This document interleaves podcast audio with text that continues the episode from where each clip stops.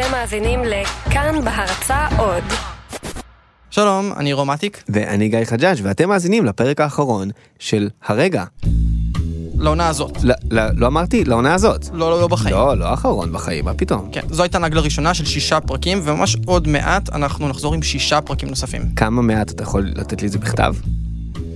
לא, אבל אה, אנחנו עובדים במרץ, תסמכו אנחנו עלינו. באמת עובדים כן. במרץ. מה אתה הולך לעשות עם החופש הזה, רום? יוגה, אתה הולך לכתוב יוגה. ספר? לכתוב יוגה? לכתוב ספר על יוגה. לכתוב ספר ליוגה ולעשות כן. מדיטציה על הר. אוקיי, זה מאוד יקשה עליי לעבוד על עונה 2 לבד, אבל בסדר, אוקיי. סבבה, אתה תעשה מה שאתה צריך נכון, לעשות, נכון, כאילו. אני אשב פה באולפן ואעבוד קשה נורא על עונה 2, אבל סבבה, לא. You go! תעשה יוגה, תעשה מדיטציה, תעשה מה שטוב לך, רום. נכון, נכון. אנחנו פה אמ, בעדך.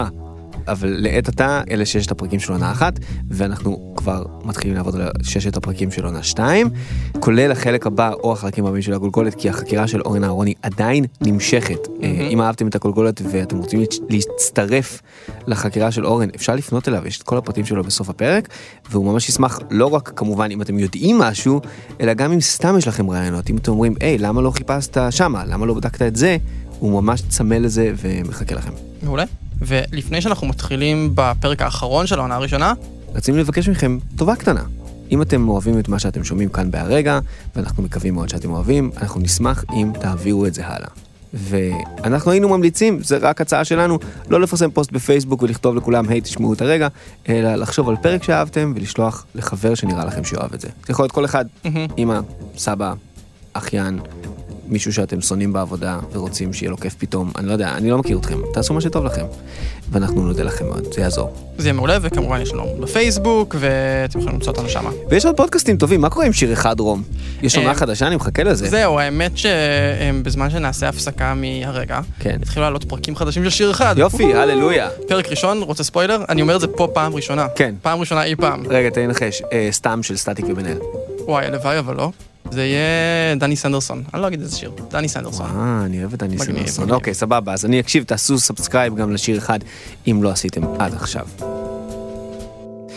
ועכשיו, בפרק האחרון שלנו, היום, אורחת מיוחדת. שמי דנה פרנק, אני כתבת בדסק הכלכלה של אה, כאן. אם אתם עוקבים אחרי כאן כלכלי בפייסבוק, או שומעים את הפודקאסט הכלכלי חיות כיס, אולי כבר נתקלתם בדנה פרנק. אבל לא באנו לדבר היום על כלכלה, אלא על משהו אחר לגמרי. לפני שנה דנה עברה לגור עם בן הזוג החמוד שלה, בן, בדירה יפה במרכז תל אביב. קומה רביעית, אינטרקום, בניין טוב, התנאים האידיאליים להרגיש מיושבת, בטוחה ומוגנת. התעוררתי בחמש בבוקר, ובן, הבן זוג שלי, יש לו שינה מאוד קלה. אז כש, כשאני מתעוררת באמצע הלילה, אני עוברת לסלון. בכל מקרה, אני מתיישבת על הספה בסלון, ואיך שאני מתיישבת, אני קולטת שעומד מולי גבר, ואני צורחת. ואז הגבר הזה אומר לי, מה נסגר איתך?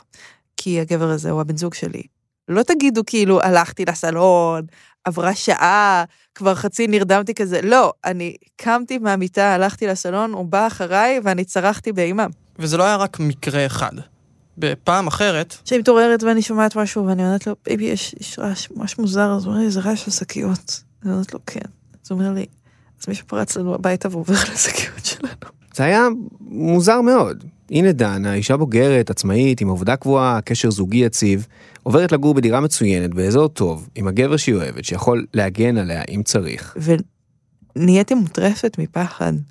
כאילו, ממש היה סיטואציות שהייתי יושבת לבד במטבח ואוכלת ארוחת ערב, ובטוחה שיש בן אדם בחדר השני. בטוחה. כאילו, דיברתי על זה עם חברה ממש טובה שלי, ואז היא אמרה לי, אבל מה עובר לך בראש ברגעים האלה, שמישהו יעשה בנג'י מהגג כדי לקחת את המקבוק בן השמונה שלך? ואמרתי לה, לא, כדי לאנוס אותי.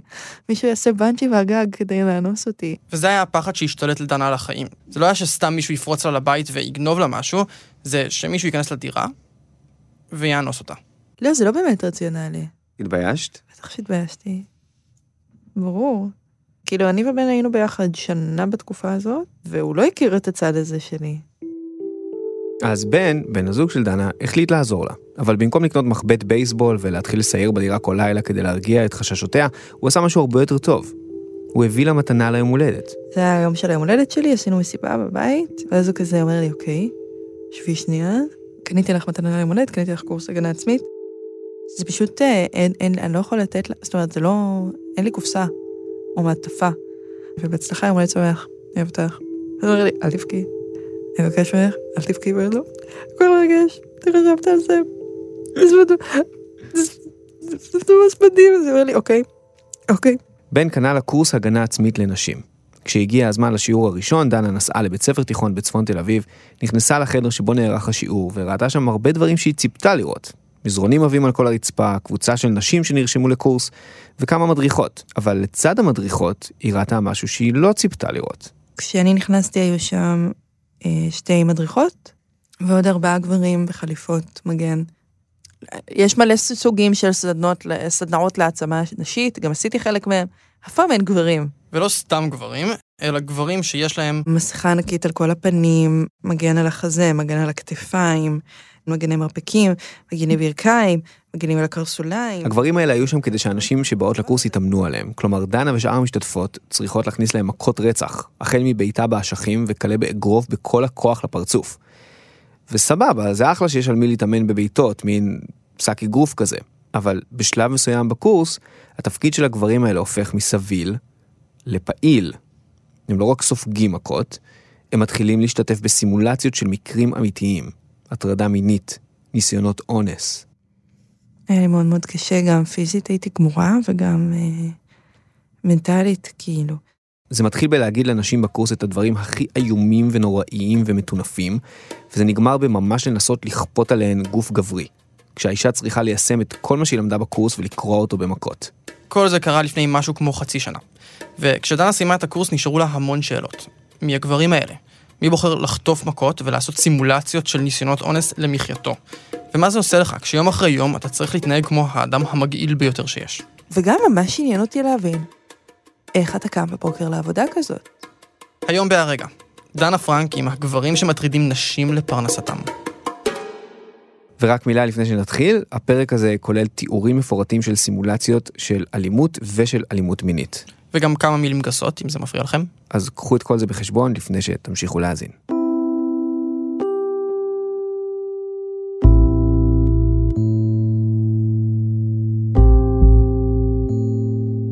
הדבר הראשון שעשיתי כשירדתי בפעם הראשונה על המרתף הזה בצפון תל אביב, היה לחתום על הסכם סודיות.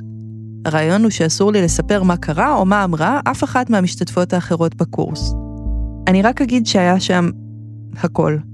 גם אמהות לילדים וגם מי שבא לקראת טיול אחרי צבא. היו כאלה שבאו לעשות תיקון והיו כאלה שבאו מסקרנות, אבל דבר אחד היה משותף לכולן.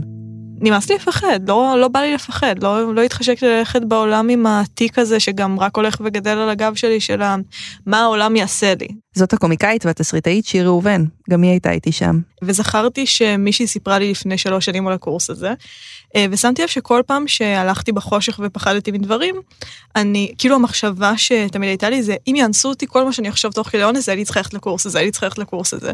ואז החלטתי להקדים תרופה למכה וללכת לקורס הזה.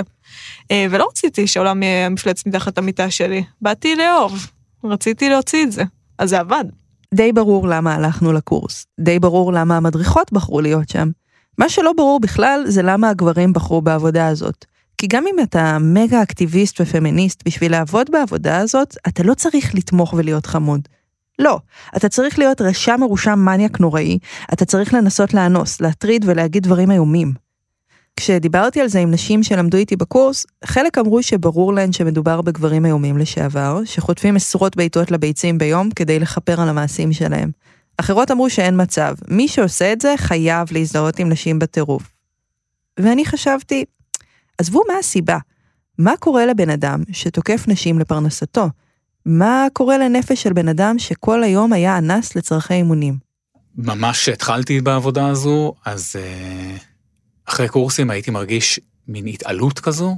המיומנות של, uh, של הצייד מאוד מתחדדת בקורס, כי אתה, אתה מנסה לצוד נקודות חלשות של המשתתפת כדי לראות איפה היא uh, תתמודד. אז המיומנויות האלה מאוד מתחדדות, ואז פתאום אתה מגלה שבחיים הרגילים, שהם לא בקורס, אתה חייב לשים להם גבול. זה יותם בר, שהעמיד פנים שהוא מנסה לאנוס אותי יותר פעמים מכל אדם אחר. גם למי שלא מכיר אותו, הוא לא בעשירייה הפותחת של אנשים להיתקל בהם בחניון חשוך בלילה. הבן אדם מטר תשעים, גלוח ראש, שרירי מאוד, עם קעקוע של כריש על היד. הוא עמד לחימה כבר עשרים שנה, וב-11 השנים האחרונות הוא מלמד הגנה עצמית. בעיקר נשים, אבל לא רק. אם יותם הוא לא בן אדם להיתקל בו בחושך, יאיר נווה עוז, המדריך השני שדיברתי איתו, דווקא לא נראה מפחיד בכלל. דמיינו איך נראה אנס. יאיר נראה בדיוק ההפך מזה. איש מאוד גבוה, מאוד מאוד רזה, שרוך כזה, מאוד עדין, מאוד ביישן, ויש פה משהו מאוד נוגע ללב. באתי וחסמתי לה את הדרך. היא אומרת לי תן לי לעבור, ואני אמרתי לה תגיעי לי בזין אני אתן לך לעבור. או קרב שמתחיל על הרצפה, שאני בא ואומר לה מלהיות ממש מעליה, מלהחזיק לה את הידיים ולהגיד לה את, את מצייצת אני הורג אותך, תסתמי את הפה שאני לא אשמע אותך. זה לא קל אה, להיכנס לזה עכשיו, או לתת את הדוגמאות האלה. זה קשה, אני מרגיש את זה בגוף, כאילו שזה... אבל הם לא רק תקפו אותנו, הם גם חטפו מאיתנו מכות. בעיטות, מכות לאף, לאשכים, לתוך העיניים שמכוסות בקסדה. זאת אומרת, אנחנו נותנים רשות להרביץ לנו חזק, לא צריך לדאוג לנו, אתן משוחררות מדאגה, גם גופנית וגם רגשית. מה שקורה, קורה. אנחנו לא פה בשביל לקבל חיבה ואהדה וסימפתיה והוקרה. אנחנו נמצאים בחדר עם המטרות שלנו. וזה לא ממש מובן מאליו. כי תחשבו על אנשים שמתנדבים עבור מטרות שיקרות לליבם. למשל, טבעונים שמתנדבים לעזור לתרנגולות לא צריכים להעמיד פנים שהם שוחטים אותן. אם למדתם סיעוד ואתם עובדים עם בעלי מוגבלויות, אתם לא צריכים לגרום להם לכאב, אלא להקל על הכאב. וכאן, ככל שאתה נעשה טוב יותר בתפקיד, אתה פשוט נעשה יותר ממה שאתה שונא. יותם אמר שהיה לו מטרות, אבל איזה מטרות מצדיקות את זה?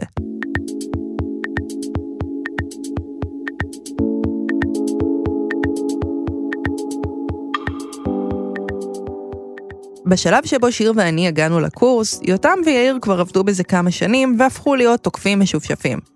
שניהם כבר עברו כמה עשרות קורסים, ראו כמה מאות נשים מגלות את הכוחות שלהם, חטפו כמה עשרות אלפי בעיטות לאשכים ושמעו מספיק צרחות לחיים שלמים. לנו, כל זה היה חדש. אוקיי, אז מה הדבר הראשון שלמדת לעשות? פיזית? אה, לצעוק. זה הדבר הראשון שלומדים. לצעוק. לצעוק. מה צועקים? צועקים, לא. צועקים, לא, והם מלמדים אותך איך לצעוק. ומלמדים אותך שצעקה מניסה 85% מהתוקפים. מה את אומרת? כן, ושוב, זה להתגבר על הבושה הזאת. אני חושבת שכל הדבר הזה, שוב, כמו שאני כל הזמן חוזרת לזה, אבל להתגבר על הפגיעות זה שוב, אה, להתחבר לפגיעות זה אוטומטית גורם לך להתגבר על הרבה מאוד אלמנטים של פדיחה, ושל לא נעים לי, ושל אולי הוא לא התכוון למה שהוא אמר הרגע, וכל מיני דברים כאלה. ואני זוכרת שכאילו באתי והיה לי מין שנייה כזאת של oh my God זה כל כך מביך, אני לא מאמינה שכולם עושים את זה, אז אמרתי לעצמי, אוקיי, אם שיר צועקת אני גם יכולה לצעוק. זהו, אני זוכרת שהייתי כזה, אם את לא תצעקי, זה יהרוס לשתיכן את הקורס. נכון. הצעקות התגלו כחלק הפחות מביך של היום ההוא.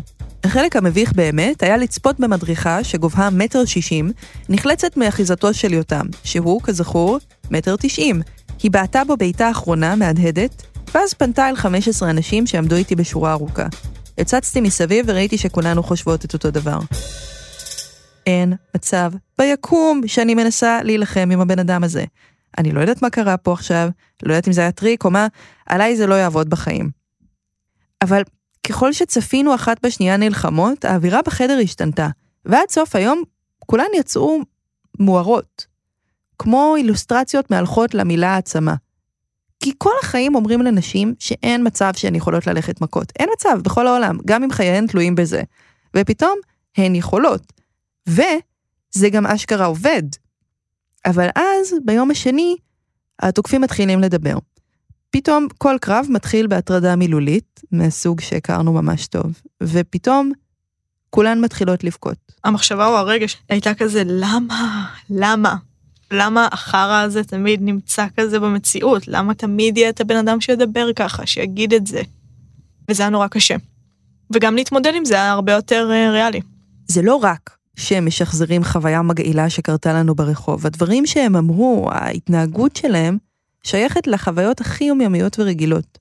משהו שנמצא בבסיס של היחסים בין גברים לנשים, שלוחץ בבת אחת על כל הצלקות וכל הסימנים הכחולים. תראי כל ויכוח, אפילו בסרט הוליוודי, ובטח אם תיכנסי לסלון ממוצע שיש ריב בין בני זוג, הרבה גברים מאוד טובים בלהפוך את הבת זוג שלהם ללא בסדר בריב. זה הטריק שלנו. כי בוא נגיד ששוב, הכי סטריאוטיפית, גברים טובים בלהאשים ונשים טובות בלחוש אשמה, אז אנחנו משחקים על זה. ואנחנו מנסים להחמיא לחולשות אחד של השני, אוקיי? אז אם אני אגיד משהו למשתתפת בתור תוקף, כן? אומר לה משהו כמו, את פשוט לא הבנת אותי נכון, וזה כנראה בגלל שאת היסטרית, ואת עושה טעות, ואני ממש בסדר, ובאיזשהו אופן ינסה, יחזור על המסר הזה.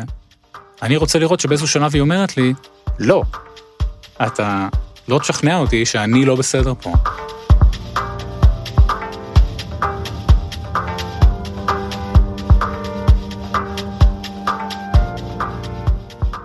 במשך שנים, יותם התאמן באמנויות לחימה.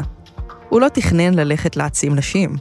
לפני 11 שנים, אחת מהעובדות במחלקה שעבדתי בספארי, מחלקת טורפים, אה, כן, שכחתי לומר. בדיי ג'וב שלו, יותם הוא ביולוג שעובד עם טורפים גדולים. גם בספארי ברמת גן וגם במחקר שלו בפיליפינים, עם כרישים. אז הבחורה שעבדה איתו בספארי, שמעה שאני באומנויות לחימה, ואז היא אמרה לי, אה, גם אני יודעת אה, להילחם, וזה, היא כזאת, היא הייתה בת שירות, סופר אה, ג'דאית כזאת, אה, מין טומבוי כזו, אומרת לי, בוא, בוא נילחם, בוא נעשה משהו וזה, אז אמרתי, טוב, בוא נעשה משהו. עשיתי ממש טכניקה הכי פשוט, כאילו אגרוף לכיוונה. והיא, אה, עוד לפני שבכלל זזתי, היא צעקה עליי, אמרה לי, עצור, ושמה לי גבול, והיא עצרה אותי, כי לא ציפיתי לזה בכלל. ואז אמרתי לה, אבל למה את צועקת עליי?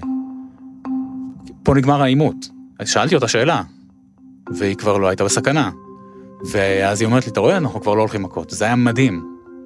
זה כאילו הפך לי את התפיסה של כאילו, במקום לעשות איזו הגנה מתוחכמת ולשבור משהו, פשוט להגיד, עצור. וזה היה חדש ליותם.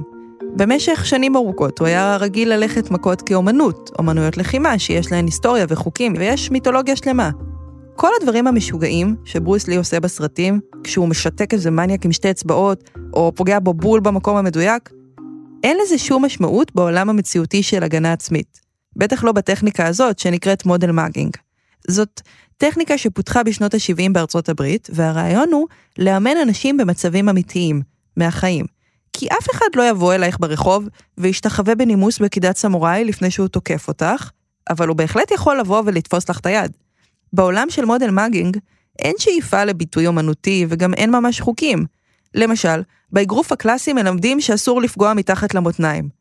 כשמישהו מנסה לאנוס אותך, את לא תגידי, אה, אני לא אבעט לו מתחת למותניים. את תרצי לשבור לו את הצורה, את תרצי לעשות כל דבר שלא יהיה שיעבוד. וזה מספיק סקרן את יותם כדי ללכת לראות קורס שלם מהצד. אני זוכר שהייתה לי הרבה ביקורת, ושהכינו אותי לזה שהולכת להיות לי הרבה ביקורת.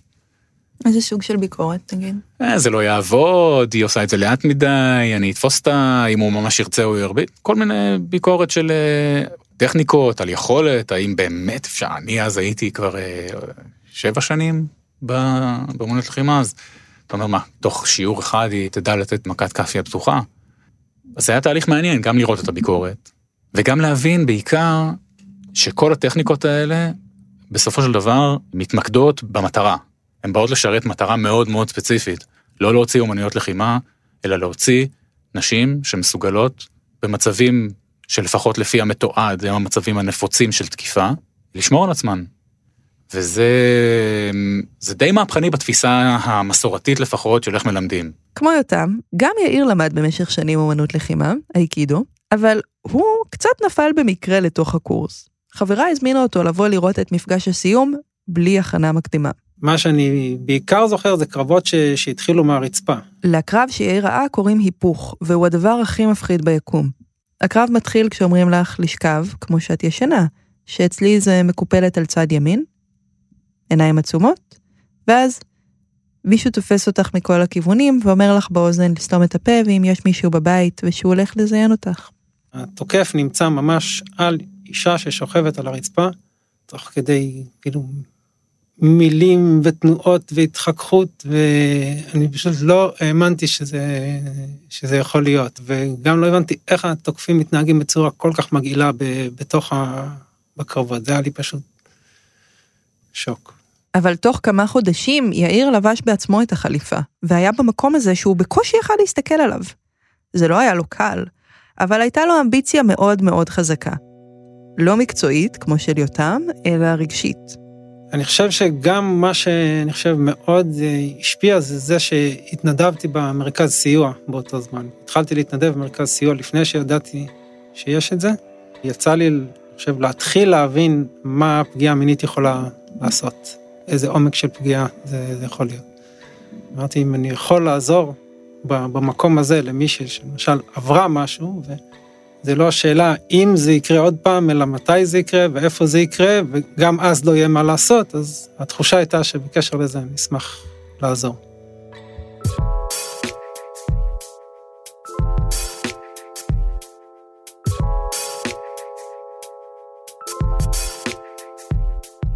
אז יותם ויאיר החליטו שהם רוצים להיות מדריכים בקורס, והם התחילו ללמוד. בהתחלה אני מודה, היה, היה מעניין, כי מכיוון שחלק מהדבר שאנחנו עושים זה מקבלים את המכות, הממש חזקות, היה איזו תקופה שזה שיבש לי את האינסטינקטים לא בקורס. פשוט התחלתי לקבל את המכות גם בקרבות שאני עושה באמוניות לחימה, כי פתאום פחות זזתי מהמכה. יותר רציתי להרגיש אותה, יותר סקרן אותי, או לפעמים פשוט הייתי כזה, אה אוקיי, אגרוף או יד לפנים, לא זזים, מקבלים. בשלב הראשון של ההכשרה שלו, יותם היה צריך ללמוד לחטוף מכות. שנים על גבי שנים הוא למד לחמוק מהן בצורה סופר אפקטיבית, ופתאום הוא היה צריך לחטוף בשיא העוצמה בעיטה לתוך הקסדה, שמעיפה אותו מטר אחורה. אני בעטתי לו בפרצוף, יותר מפעם אחת. יש גם משהו מאוד uh, אמיתי בלהרגיש מכה טובה. אתה כאילו מבסוט, אומר, וואו, איזה מכה חטפתי עכשיו, מדהים. אבל לפעמים זה מפחיד. פתאום חטפת איזה מכה שלא ציפית. אבל יותם הוא אמן לחימה. להשתמש בגוף, גם אם זה כואב, זה לא כזה אתגר בשבילו. האתגר הגדול היה למצוא בעצמך את הדמות שתלמידה תרצה לכסח במכות. ליותם יש שם ממש קולע לדמות הזאת שצריך להעיז לפגוש. The inner scumbag. בכולנו יש אותו. ואנחנו מאזנים אותו עם אה, הגבר ה... שהוא לא scumbag, שהוא לא מנוול. לפי אותם, למצוא את ה inner scumbag זה לא להגיד את כל המילים הגסות שאתה יכול כמה שיותר מהר ובקול רם. זה עניין של גישה. צריך להבין איך מטרידנים חושבים. בגדול מה שהופך אישיות של תוקף לאישיות של תוקף, זה שהוא לא מכיר בקיומה של המשתתפת. הרצונות שלו יותר חשובים מהרצונות שלה. זה מה שהופך את המילה, את נורא יפה בעיניי, או אפשר את הטלפון שלך, ממחמאה להטרדה. כי אם היא אומרת לא, אז אתה לא מסכים לזה. אבל אין פסול בלבקש טלפון, יש פסול בלא להכיר בקיומה של האישה המלאה שנמצאת מולך. זה, אני חושב, ההבדל העיקרי. המדריך שהכשיר את יותם ויאיר, אמר להם את זה מפורשות. לעשות בכאילו לא ילך. אתם צריכים לחפור בתוככם, ולהכיר את החלקים האלימים שבפנים.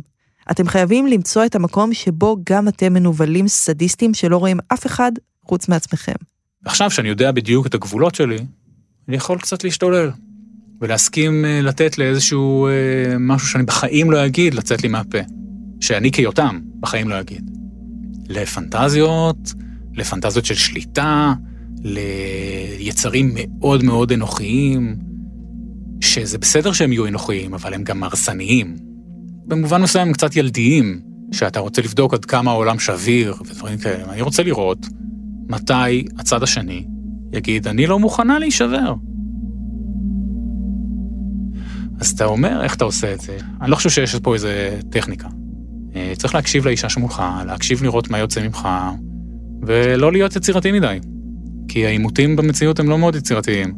יש אה, מעט מאוד דרכים אה, לשרוק למישהי, יש מעט מאוד דרכים להגיד לה משהו על הגוף שלה, יש מעט מאוד דרכים לגרום לה בושה, או למבוכה, או לפחד. דברים מאוד בסיסיים. יותם הרכיב בהתלהבות את המשקפיים של התוקף או המטרידן. הוא מילא את התפקיד הזה באמונה שלמה. תשמעי, אתה לא יכול להיות 11 שנה בחדר עם אה, נשים שמעידות על תופעות שאתה אומר לך, וואי, זה נחשב הטרדה, וואי, אני לא מאמין, וואי, אתה כאילו, קצת כאילו, פתאום אתה מגלה מה העולם שאתה לא מכיר. היה לך משהו שמישהי אמרה שאמרת, אני עשיתי כזה דבר? בטח. מה? יש לנו איזה סולם כזה שאנחנו מנסים להבין מה זה חיזור ומה זה הטרדה. אוקיי. אוקיי? אז הסולם הזה, כתמיד, הוא בנוי על uh, תחושות פנימיות. אז למשל חיזור מייצר אצלי תחושה טובה, הטרדה מייצרת אצלי תחושה רעה. כל מיני כאלה, אוקיי? מין אה, ס, אה, סימפטומים כאלה. יושב עם הטור הזה של ההטרדה, או עד, עד לרמה שזה יכול לפעמים להיקרא התעללות, אתה אומר, מה, אבל עשיתי את כל הדברים האלה. גרמתי למישהי להרגיש רע, גרמתי למישהי לוותר על הרצונות שלה בשביל שאני ארגיש טוב, גרמתי למישהי לא לצאת מהבית, לא בנעלתי את הדלת, כן, אבל באמצעים של אה, מניפולציות כדי שהיא תישאר איתי, גרמתי למישהי להיפרד מחבר שלה, גם- אז כן, כולנו עושים את כל הדברים האלה. ובהתחלה אתה כאילו חוטף סטירה, אתה אומר וואו, אבל שוב, אנחנו עושים את זה בצורה שאומרים כן, נכון, אתה גם זה, אבל אתה גם זה.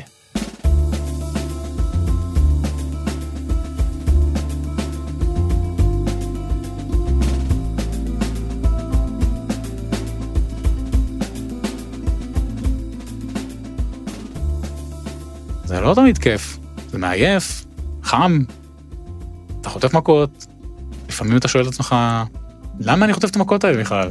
ואז אתה רואה שהמשתתפת קמה והיא קצת יותר זורחת, זה נהדר, אתה אומר, אה, אוקיי, בגלל זה, בגלל זה אני חוטף. אתה- וזה נעים. זה, שוב, נעים אולי זו לא המילה. זה שווה את זה. בשלב מסוים, שני הגברים אומרים שהם הלכו לאיבוד בתוך התפקיד. לא בתור תוקף, אלא התמכרו לקצב הגבוה הזה של העבודה, של המטמורפוזה שקורית שוב ושוב לנגד עיניהם. וכמו בכל התמכרות, גם כאן היה מחיר. אז המיומנויות האלה מאוד מתחדדות, ואז פתאום אתה מגלה שבחיים הרגילים, שהם לא בקורס, אתה חייב לשים להם גבול. לחפש חולשות, לדעת לעשות מניפולציה, לקבל מה שאתה רוצה. זה כמו פסיכולוגים שיתחילו לעשות טיפולים לאנשים שלא מבקשים טיפול, זה לא בסדר. כאילו, זה לא, לא עושים את זה. ופתאום אתה נהיה שיכור מהדבר הזה, אתה נהיה קצת שיכור כוח, כי פתאום אה, אתה אומר דברים נורא חדים, ואנשים מגיבים, נשים, גברים, כולם מגיבים. אז היה לי נקודת משבר שאמרתי, אני חייב להגביל את הנוכחות של זה בחיים שלי, כי זה התחיל להשתלט עליי, התמכרתי גם, זה... לראות אנשים חווים טרנספורמציה זה ממכר, זה מדהים, אם אתה בקטע, כאילו. אבל יש גם גבול לכמה אתה יכול לעשות את זה, גופנית ורגשית. הגוף שלי היה מאוד עייף, חטפתי מכות יותר מדי, העצבים הרגשיים שלי היו מאוד חשופים, הייתי מגיב לא פרופורציוני, לדברים טובים או לדברים רעים, יותר כועס, אה, וגם פה, מקורות התמיכה שלי אמרו לי, "אה, יותם, משהו קורה, תבדוק. יכול להיות שאתה צריך לקחת קצת מרחק, יכול להיות שאתה צריך לקחת יותר.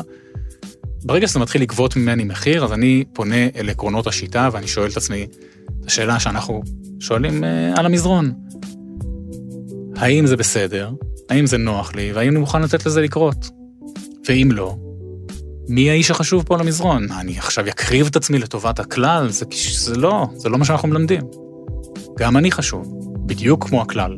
ואז באמת לקחתי, אה, לקחתי אחורה, יותם לא פרש לגמרי, אבל הוא הוריד הילוך, הוא הדריך הרבה פחות.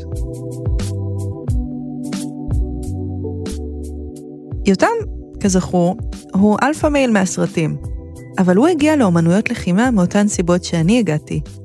היו לו רגשות שהוא לא מצא להם מקום. פחדתי, את יודעת, פחדתי שיצחקו עליי שאני אה, משקפופר, פחדתי מ... אה, לא, לא נראה לי שאפילו מדברים ספציפיים, פשוט פחדתי מחברה, יגידו עליי משהו, אה, אני, אני גם גבוה, את יודעת, יראו אותי מדי, לא יראו אותי מדי, כל הפחדים הכי, כאילו, אני מאוד קלאסי. אז הוא התאמן במשך שנים בטאי צ'י, באומנויות לחימה, הוא גידל שרירים. הוא ברח מהפחד הכי רחוק שהוא יכל. אבל רק כשהוא התחיל לעבוד בקורס, הוא הצליח לנסח את זה. יותם אומר שלנשים יש מונופול על הפחד. עבור גברים זה לא לגיטימי לפחד. והפחד הזה, שלא לגיטימי להודות בו, הוא הפחד ששולח נערים לקטטות רחוב, שגורם לילדים לפצוע אחד את השני הרבה יותר ממה שצריך. אומנויות הלחימה לא עזרו ליותם לעבור את הפחד. רק כשהוא הפך להיות מקור הפחד, הוא הצליח להתגבר עליו. וזה התגלה ככלי שימושי מאוד. לא רק על מזרני האימון, אלא בשוניות, שבהן המחקר של יותם מתרחש. הניסויים שאנחנו עורכים זה ניסויים תצפיתיים, אנחנו לא עושים שום ניסוי, אנחנו מנסים לתעד את ההתנהגות הכי טבעית, כאילו שיש. אז מה שאנחנו עושים זה מפזרים או מצלמות או חיישנים בשוניות. באחת מהפעמים שהגענו לשים את המצלמה, חבר שלי ואני, היה שם כריש, כריש שועל, והוא היה כנראה מאוד צעיר. הוא היה קצת סהרורי, הוא לא לגמרי שם לב מה קורה סביבו, לא יודע, הוא בא, היה עייף, רעב, לא יודע מה, לא מרוכז. והוא לא כל כך שם לב, כנראה, שאנחנו שם. ואז פתאום הוא קלט אותנו, אז הוא נבהל. עכשיו, כשהוא נבהל, הוא עשה תנועה של בהלה, והוא יצור של ארבעה מטר. וכשהוא נבהל, אז אנחנו נורא נבהלנו גם. ואז היה מין איזה כמה שניות של... אה, כל הצדדים בסיטואציה לא בדיוק ידעו מה קורה. אנחנו מסכנים, לא מסכנים וזה, ואז מישיר מבט, מקווה לטוב, אם הוא רוצה לעשות נזק הוא יעשה. מה, מה אתה עושה ברגע הזה כדי להגיד לכריש שואל שאתה לא תוקף אותו? אתה לא תוקף אותו. זה מה שאתה עושה. זה המסר. אתה לא תוקף אותו, אתה נשאר רגוע עם הפנים אליו, לא בורח, כי זה כמו הריקוד כזה, אם אני בורח אז הוא, אז הוא בתפקיד הטורף, אפילו אם הוא לא בחר להיות, אני מציב אותו שם. אבל אם אני רודף אחריו אז הוא בתפקיד המותקף, ואז אני לא יודע מה הוא יעשה. אז אתה stand your ground ומסתכל עליו ומנסה לשדר לו, עזוב, הכל טוב, ואם תיתן לי אז אני אלך.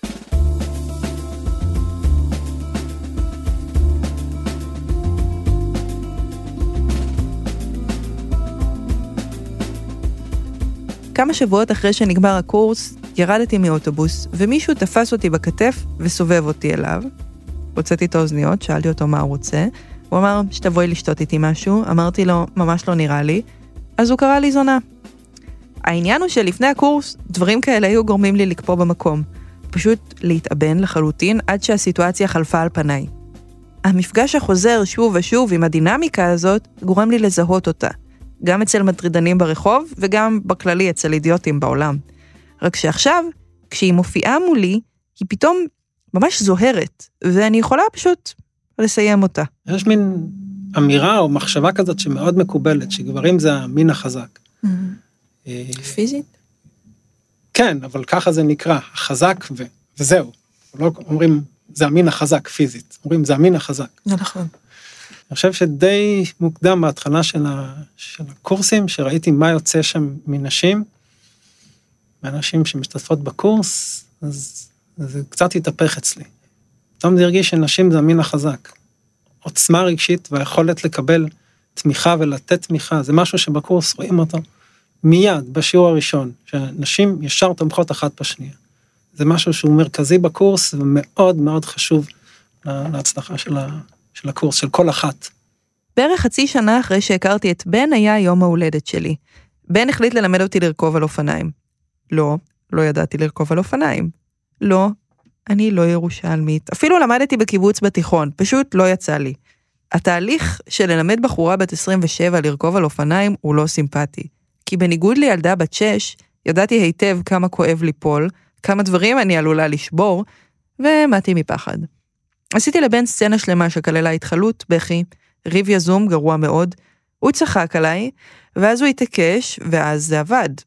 אני רוכבת על אופניים כל יום היום, וכשאני חוצה מדי בוקר את צומת השלום בתל אביב, משתחלת בין המכוניות, האוטובוסים והמשאיות שמנסות לרדת לאיילון, זה מזכיר לי ציטוט שאני אוהבת של נינה סימון, בריאיון בשנת 1968. תקשיבו. I've had a couple of times on stage when I really felt free. And that's something else. That's really something else. I'll tell you what freedom is to me. No fear. I mean, really, no fear. If I if I could have that half of my life, no fear.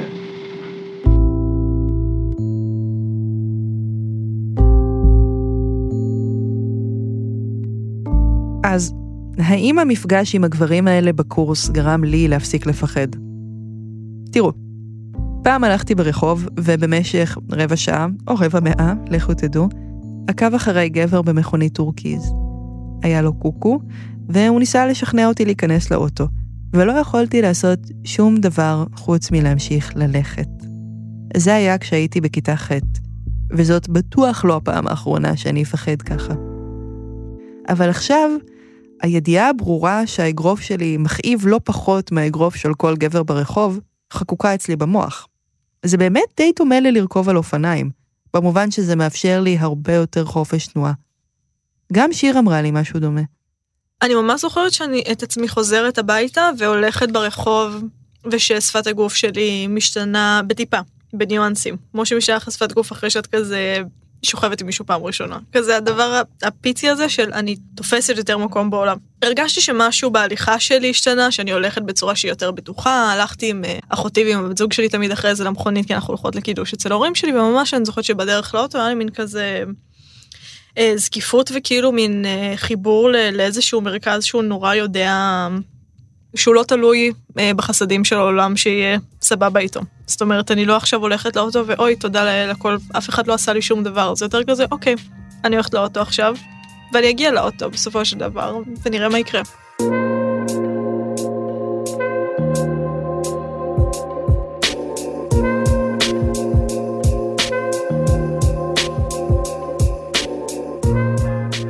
היום דנה כבר לא מתעוררת מבועטת באמצע הלילה ובטוחה שמישהו נכנס לה לדירה בבנג'י. ואם מישהו מנסה להטריד אותה ברחוב או במסיבה או איפה שלא יהיה, היא כבר יודעת איך לעצור אותו, להרחיק אותו, אפילו להכאיב לו אם צריך. והיא לא מפחדת מזה. אגב, בתמורה היא קנתה לבן סדנת קרמיקה. כאלה חמודים. מהמם. הפרק של דנה סוגר את עונה אחת שלנו כאן בהרגע. היה cool, היה נכון? cool, כן. אני נהניתי. אבל בוא נעשה סיכום, כי יש עוד שישה פרקים, אנחנו צריכים לעבוד עליהם עכשיו. עכשיו! אוקיי, אז בוא, בוא נקצר את זה ונלך. yes. אוקיי, סבבה, רק תמליצו לכולם, סבבה? אהבתם את Mhm. הפרק? יופי, תשלחו לכולם. אה, אנחנו הולכים להיעלם לכמה זמן, לגמור את עונה 2, אנחנו נחזור. כמובן, יש לנו עמוד פייסבוק, יש לנו ניוזלטר, יש לנו טוויטר, אינסטגרם, אישיים שלנו. תעקבו אחרינו ותקבלו הודעה ברגע שאנחנו עולים. cool. את הפרק הזה כתבה והגישה דנה פרנק, וערכה אותו יחד עם שנינו. עורך הסאונד שלנו הוא אסף רפפורט. תודה גדולה גם לסוהיני טל ולצליל אברהם. וגם לראפר האהוב על דנה, טיילר דרדן. טיילר, the creator, לא, לא, טיילר דרדן. אבל הוא לא ראפר. עזוב, סמוך על דנה. סמוך על דנה. סומך על דנה, לא מסתבך עם דנה. תודה שהאזנתם תודה. של הרגע, נשתמע בפרקים הבאים. ביי.